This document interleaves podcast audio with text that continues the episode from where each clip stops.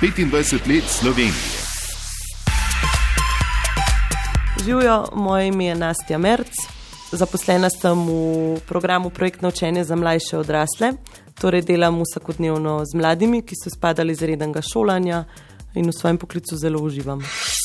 Projektno učenje mladih ali krajše PUM je program, ki k aktivnosti spodbuja mlade z družbenega roba. V PUM so vključeni mladi, ki so stari od 15 do 25 let. Njihov status je status brezposelnih um, ali pa mladih, ki um, niso vključeni v šolanje, torej so izpadli iz rednega šolskega sistema. Glavni namen programa PUM je, da mladi zaključijo šolanje ali pa da jim pomagamo pri tem, da pridobijo za zaposlitev. In uh, naša naloga je tudi to, da mlade opolnomočimo, da se aktivno vključijo v, v družbo, da se aktivno vključijo v iskanje zaposlitve. Poskušamo aktivnosti prilagoditi tako, da mladi program radi obiskujejo. To se pravi, da oni povejo, kaj bi počeli in mi poskušamo to izvesti. Um, in skozi vse to dosegajo ne take življenjske cilje, ki jim pri vsakodnevnih opravilih pridejo prav. 25. Mladi za družbo niso le breme, z njihovim izključevanjem zamujamo mnoge priložnosti. Pumovci so mladi, ki so izjemni, izjemno talentirani, imajo ogromno enih talentov, pa nobene priložnosti, da bi to razvili. In tukaj, kot družba, se mi zdi, da mlade premalo vključujemo v aktivnosti v lokalnem, v nacionalnem okolju, bi mogli mečkom bolj podporno delovati kot družba, da bi se mladi bolj vključevali, da bi bili mladi bolj, da bi bolj participirali pri teh um, odločitvah. Naprimer, mlade bolj večkrat vprašali za mnenje, da bi bile njihove aktivnosti bolj upoštevane, da bi jih recimo tudi lokalne skupnosti bolj vključile, da bi se več povdarka dal na dogodkih, ki jih mladi organizirajo, da bi imeli priložnost pokazati svoje talente tudi vem, v lokalnem, nacionalnem okolju, ker na ta način potem lahko marsikdo jih opas.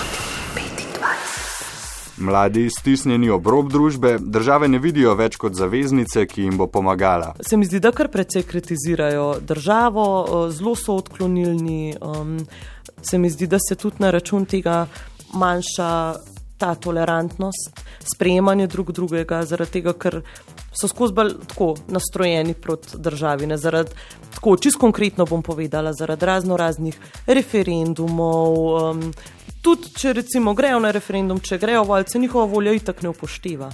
Nekako ne čutijo, da, da bi lahko so ustvarjali v Sloveniji. Čutim 25.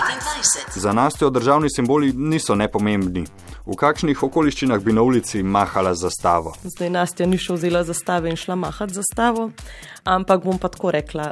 Meni se zdijo državni simboli zelo pomembni, zdijo se mi odraz enega stanja v družbi da damo en pomen državnim simbolom, dajemo tudi pomen vsem stvarem, ki se v državi dogajajo. Jaz, recimo, kot neka mladinska delavka, ki sem že kar nekaj let aktivna, veliko mlade spodbujam k temu, da poznajo slovenske simbole, zaradi tega, ker je pomembno, da so aktivni in če poznajo vse to, se mi zdi, da tudi. Lažje spremljajo trenutno situacijo in aktualne dogodke, ki se v državi dogajajo. Čuti priljubljen rek, slovenci znamo stopiti skupaj, ko je treba. Mit ali resnica? Uh, veste, slovenci stopijo skupaj takrat, ko je treba izgnati begunce, pa takrat, ko je treba linčati geje. Takrat slovenci stopijo skupaj. Ampak jaz bom tako rekla, no, jaz mislim, da je tega povezovanja bistveno premalo, da ljudje, tudi kljub temu, da imamo različna mnenja, da je da v osnovi smo še vedno ljudje, vsi in da moramo en drugemu pomagati in si stati ob stran in stopiti skupaj, ne glede na to, kakšna prepričanja imamo, stopiti skupaj takrat, ko so situacije kritične in bi se mogli bolj povezati in bolj sodelovati.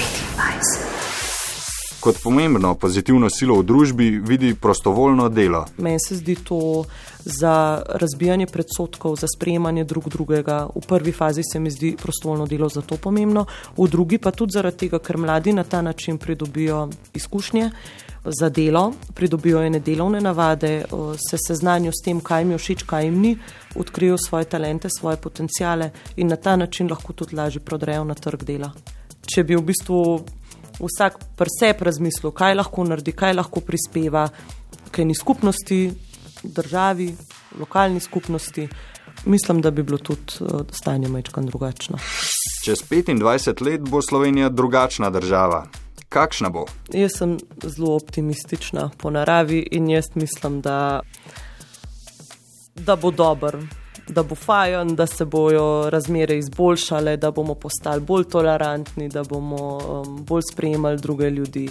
Tudi tisti, ki so na socialnem robu, mislim, da nekako najdejo enkrat pravo pot za eno določeno podporo uh, s pomočjo vzvodanjem, da stvari zlaufajo tako, kot je treba. No. Tako da jaz mislim, da bo.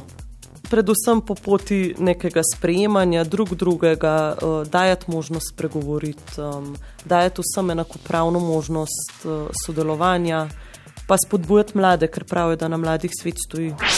25 let samostojne Slovenije. Čutim 25. 25, 202, vse najboljše. Več na tematskem spletnem mestu Slovenija 25.